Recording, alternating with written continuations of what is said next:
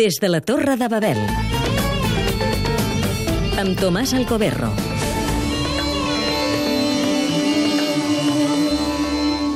Vaig passar la Setmana Santa a Damasc.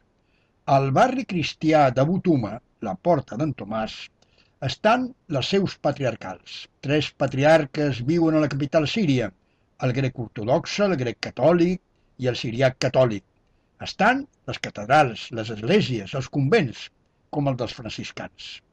Anava de la catedral grec ortodoxa, Marianie, és el temple més bonic i ampli de tota la nació, a l'església maronita, al costat de l'Armènia ortodoxa, no lluny de la llatina.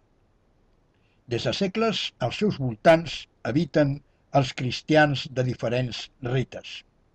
Els seus patriarques porten el nom de patriarques d'Antioquia i de tot l'Orient.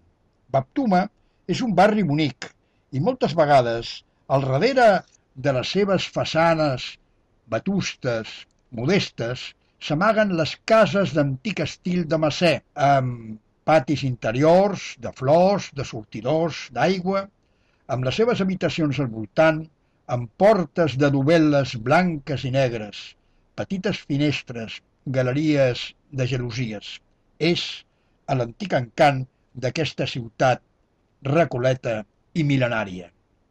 Al costat de les esglésies hi ha hotelets, cafeteries, restaurants, botigues d'antiquaris o d'objectes d'artesania, ara en decadència.